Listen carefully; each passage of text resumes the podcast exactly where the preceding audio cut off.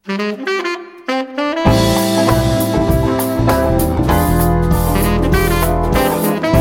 თვალი დაკავებული გაქვთ და საკითხავად არ გცალიათ, ან თუ ჩემსავით სათვალეს ვერ პოულობთ, ან და თუ უბრალოდ მოგენატრათ თვალების დახუჭვა და სხვების მიერ მოთხრობილი საინტერესო ამბებისთვის ყურის მიგდება, მაშინ ეს პოდკასტი თქვენთვისაა. გამარჯობა. თქვენ უსმენთ რადიო თავისუფლების პოდკასტს მოლაპარაკე ტექსტებს. მოლაპარაკე ტექსტებს. მე ბიძინა რამიშვილი გახლავართ. აქ მოქმედი პირები არიან ტექსტები, რომლებსაც რადიო თავისუფლების ვებსაიტზე ვარჩევ თქვენთვის კვირაში ერთხელ და მათ მოსათხრობა ამბებად ვაქცევ ხოლმე.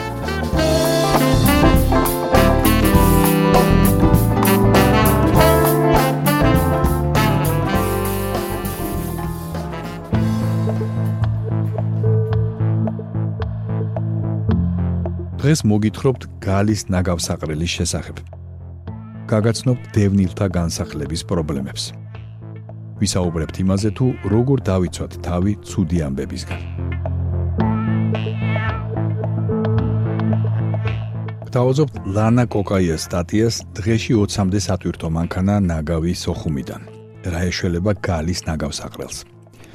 შეიძლება თუ არა გალში სოხუმიდან ჩატანილი ნაგვის ზუგდიდში გადამუშავებამ უფრო მეტი პრობლემა გადაჭრას ვიდრე გალელი ქართველების ჯანმრთელობისა და გარემოს დაცვა.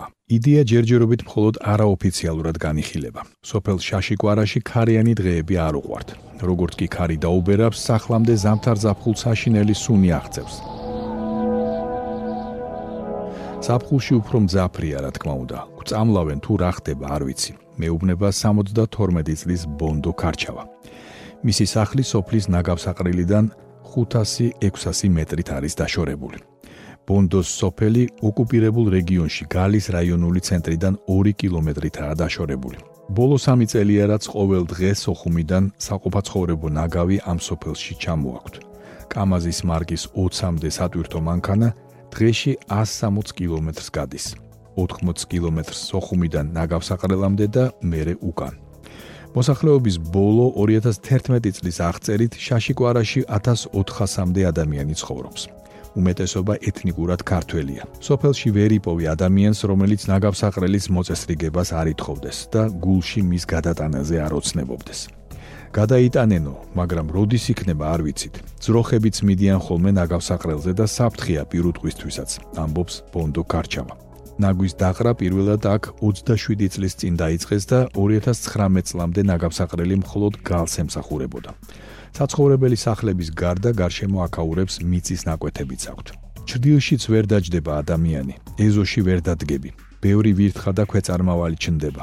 არ ვიცით ზუსტად როდის შეწყვეტენ ნაგვის აქ დაყრას და როდემდე გავძლებთ ასეთ სიტუაციაში. მეუბნება ნონა, მისი სახელიც შეცვლილია. სოხუმის საყოფაცხოვრებო ნარჩენების გალში გატანა 2019 წელს გადაწყდა. მაიაკის სოხუმის მიკრორაიონის ნაგავსაყრელის გამო გამართული უწყვეტი საპროტესტო აქციების შემდეგ.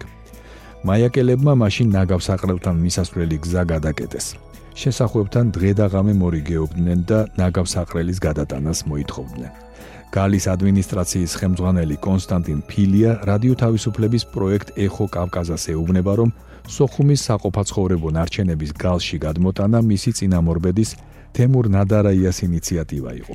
ფილიას თქმით, ეს ამბავი 2019 წელს სოხუმში ნაგავსაყრელთან დაკავშირებით შექმნილი ჩიხური ვითარების განხილვის დროს დახურულ კრებაზე გადაწყდა. ადგილობრივი ხელისუფლების მონაცემებით სოხუმიდან გალში ჩატანილი ნაგვის მოცულობა თვეში დაახლოებით 20-25000 კუბამდე იკლო, რაც დაახლოებით სტადიონის მოცულობაა. თავად ადმინისტრაციის ხელმძღვანელიც კი სიტუაციას კრიტიკულს უწოდებს, მაგრამ მოსახლეობას, რომელიც გზის გადაკეთებას გეგმავს, მაინც გაგებისკენ მოუწოდებს. ფილიას ინფორმაციით ერთ-ერთი გამოსავალი ნაგვის გულრიფში გადატანა იქნებოდა. თუმცა ეს ნაგავსაყრელიც დიდი ალბათობით დროსთან ერთად მოსახლეობას და გარემოს თავსატეხად ექცევა, რადგან მდინარის პირას შენდება. მეორე გზა გალელი მეწარმეების მეშვეობით ნაგვის ენგურის გავლით საქართველოს მიერ კონტროლირებად ტერიტორიაზე წაღებაა. ფილიას თქმით, გალელი მეწარმეების ნაწილი მზად არის ამ წლებში გალის ნაგავსაყრელზე დაგროვილი ნაგავი ენგურს იქით წაიღონ. დღეს ერთადერთი ობიექტი, სადაც ქართველები და აფხაზები შეთანხმებულად მუშაობენ, ენგურჰესია. კიდევ ერთი თანამედროვე რეგიონალური ნაგავსაყრელის მშენებლობაა დაგეგმილი ზუგდიდის მუნიციპალიტეტის სოფელ დიდი ნეძის მახლობლად, სადაც ნაგავსაყრელი უკვე არსებობს. გეგმის მიხედვით ამ ადგილზე ორ წელიწადში ახალი პოლიგონი უნდა გაიხსნას და რეგიონის 9 მუნიციპალიტეტიდან 9-ს მოემსახუროს. მყარი ნარჩენების მართვის კომპანია გეგმავს, რომ ნაგავსაყრელი სულ მცირე მომდევნო 20 წელი იმუშავებს და საერთო ჯამში დაახლოებით 1.450.000 ტონა ნარჩენს დაიდევს. არასამთავრობო ორგანიზაცია საქართველოს მწვანეთა მოძრაობა დედამიწის მეგობრების თავმჯდომარის ნინო ჩხობაძის თქმით, თუ ნარჩენების შეფასებისა და გადმოტანის იდეა, რომელიც არამხოლოდ გალს, არამედ აფხაზეთის სხვა რაიონებსაც ეხება, განხორციელდა, მაშინ ცაიშის ახალი ნაგავსაყრელის პროექტს მცირე ცვლილება დასჭირდება. თუმცა ნარჩენების მიღება ამ ცვლილების გარეშეც შეიძლება. საქართველოს გარემოს დაცვის სამინისტროსა და შერიგების საკითხებში სახელმწიფო მინისტრის აპარატში ამბობენ, რომ ამ ეტაპზე მსგავს პროექტზე არ მუშაობენ. ორივე უצღებამ თავი შეიკავა დამატებითი კომენტარისგან. ეს გახდათ ლანა კოკაიას სტატია დღეში 20-მდე სატვირთო მანქანა ნაგავი სოხუმიდან. რა ეშველება გალის ნაგავსაყრელს?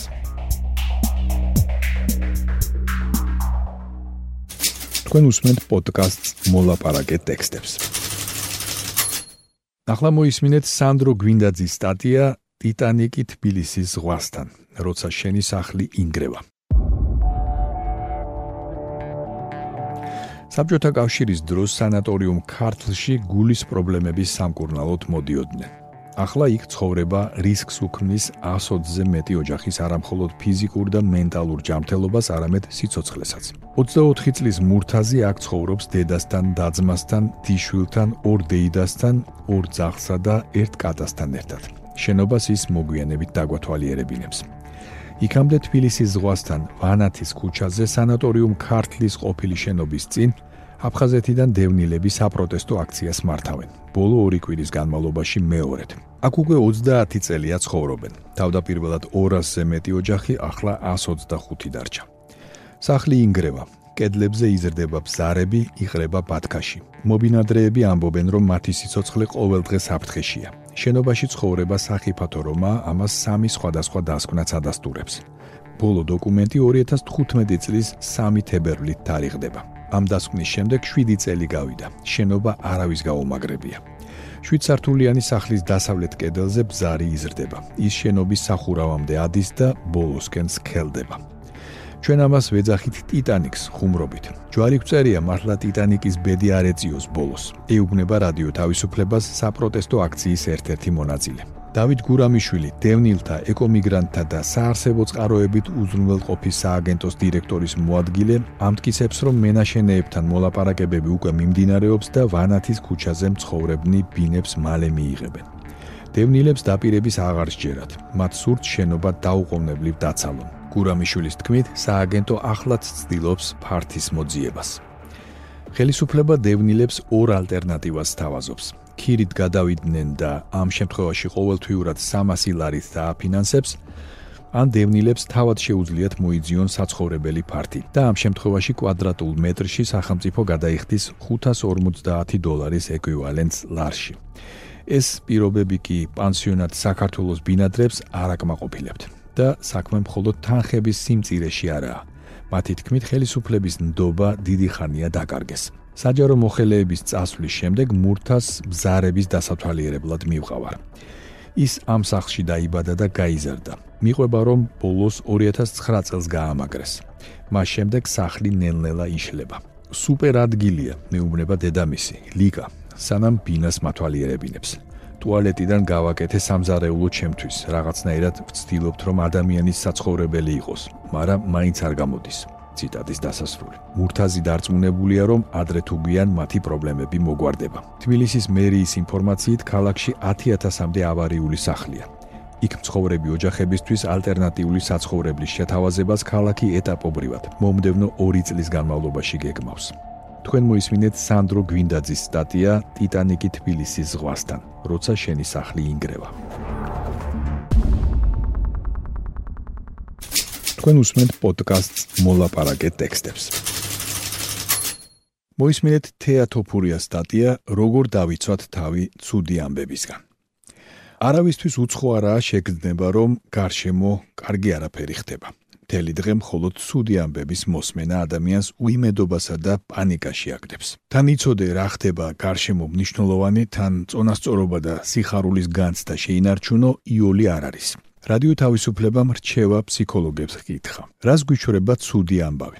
ფსიქოლოგი ჯანა ჯავახიშვილი ყვება ერთი ექსპერიმენტის შესახებ, რომლის დროსაც მის მონაწილეებს თხოვეს თავიანთი ცხოვრების სხვადასხვა მოვლენა ჩამოეწერათ. უმრავლესობამ კარგზე მეტად ცუდი გაიხსენა. ნეგატიური ინფორმაციის დამახსოვრება ადამიანს საშუალებას აძლევს შეცდომა აღარ გაიმეოროს. მაგრამ მეორე მხრივ თუ მხოლოდ ცუდი გესმის და ცუდს იმახსოვრებ, უსუსურობის განცდა გიჩნდება და მოქმედების უნარს კარგავ. ამ დროს კრიტიკულად მნიშვნელოვანია გავარჩიოთ ერთმანეთისგან თუ რა არის ჩვენზე დამოკიდებული და რა არა, რომ უსუსურობის განცდა გადავლახოთ და მოქმედების სწორი სტრატეგია დავგეგმოთ. ამბობს ჯანა ჯავახიშვილი. ფსიქოლოგები გვირჩევენ დაუკვირდეთ საკუთარ განცდებსა და ემოციებს. რას გძნობთ ამა თუ იმ ამბის მოსმენისას? როგორ მოქმედებს ის ჩვენზე? გვაბნევს, ცუდ ხასიათზე გვაყენებს, რაღაც დოზით ეს სასარგებლოა, მაგრამ თუ შფოთვამ ისე მოგვიცვა, რომ კალაპოტიდან ამოგვაგდო, ესე იგი რაღაც შესაძლებელია. ფსიქოლოგი მაია ცირამოა ამბობს, რომ გაუგებარი ურთიერთ გამომრიცხავი ინფორმაცია ცუდ ინფორმაციაზე კიდევ უფრო საზიანოა. როდესაც ერთი არხიდან გესმის, რომ ყველაფერი გადასარევა და მეორიდან კი პირიქით, ადამიანი ვეღარ არკვევს რეალობა რა არის, ამბობს ფსიქოლოგი. არ მინდა ეს ისე გაიგონ თითქოს კრიტიკული მედიის წინააღმდეგი ვიყო. როგორ გაუმკლავდეთ სტრესს? აი რამდენიმე რჩევა, რომელსაც საქმის მწოდნე ხალხი იძლევა. ეს უძველესი სიბძნეა. შეეგუეთ იმას, რისი შეცვლაც არ შეგიძლიათ. შეცვალეთ რისი შეცვლაც ძალგიც და გეყოთ გონიერება ერთის მეორისგან გასარჩევად. ყველა ინფორმაცია სანდო არაა. სანამ აღელდებით და დაითრგუნებით, აუცილებლად შეამოწმეთ რამდენად კომპეტენტური და სანდო წყარო ავრცელებს ამა თუ იმ ამბავს. ყველაფერს კი ის ჯობია თავიდანვე შეარჩიოთ ის მედია საშუალებები, ვისი ნდობად შეიძლება. არ გადაიქცეთ ინფორმაციის პასიურ მიმღებებად. თუ ინფორმაციას არ აანალიზებთ და შემდეგ არ იყენებთ, ესე იგი ის არ გჭირდებათ. მართალია თქვენ ვერ მოაგვარებთ ყველა იმ პრობლემას, რომლის შესახებაც მედია წერს, მაგრამ შეგიძლიათ პასიური დამკვირვებლის პოზიციიდან ქმედებაზე გადახვიდეთ. მაგალითად, ხელი მოაწეროთ პეტიციას იმ საკითხთან დაკავშირებით, რომელიც გაღელვებთ. დაეხმაროთ ვინმეს თანხით, ან გახდეთ მოხალისე. როცა წვლილი შეგაქვთ სამყაროს შეცვლაში, პრობლემებს გაცილებით მსუბუქად გაუმკლავდებით. ნუ დაიწყებთ დილას ცუდი ამბების კითხვით ან მოსმენით. გაღვიძებისას ჯერ რამე კარგზე იფიქრეთ. თუ გძნობთ, რომ ცუდ ამბებს ვეღარ აუდიხართ, ნუ ღარ მოусმენთ. დისტანცირება ყოველთვის კარგი ხერხია მოსმენილისა და წაკითხulis გასააზრებლად და დასატევად. არა აქვს მნიშვნელობა ეს დასვენება რამდენ ხანს გაგრძელდება. ის ძალების აღდგენის საშუალებას მოგცემთ. ადამიანზე ცუდი ამბები განსაკუთრებით მძიმედ მაშინ მოქმედებს თუ თავადაც არც თუ სახარბიელო პერიოდი უდგას. გაითვალისწინეთ ეს, სანამ მორიგი საშინელების წაკითხვას დაიწყებთ. დედამიწა ბოროტ უცხო პლანეტელებს არ დაუბრიათ. ქვეყანაზე კარგი ამბებიც ხდება. მოძებნეთ და წაიკითხეთ სახალისო და სასიხარულო ამბები.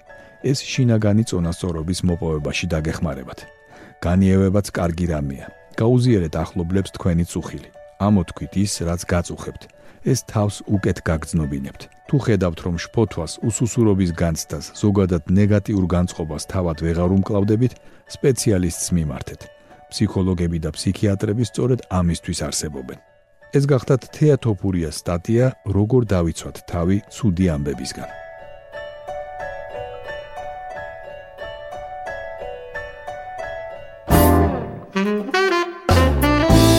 თქვენ მოისმინეთ რადიო თავისუფლების პოდკასტი მოლაპარაკეთ ტექსტები. მე კვირაში ერთხელ ვარჩევ რადიო თავისუფლების ვებსაიტზე გამოქვეყნებულ ტექსტებს და მათ მოსათხრობამდე ვაქცევ ხოლმე ჩვენი პოდკასტი შეგიძლიათ გამოიწეროთ, ჩამოტვირთოთ ან მოისმინოთ პირდაპირ რადიო თავისუფლების ვებსაიტზე. მისი მისამართია რადიო თავისუფლება.ge. თუ ჩემი მიერ მოთხრობილი ტექსტები სრული სახით დაგაინტერესებთ, მათი მოძებნა იულია. ვებსაიტზე, პოდკასტის გვერდზე იპოვით ყოველ ცალკეულ პროგრამაში მოთხრობილი ტექსტების ბმულებს. მე ბიძინა რამიშვილი ვარ. მომავალ შეხვედრამდე.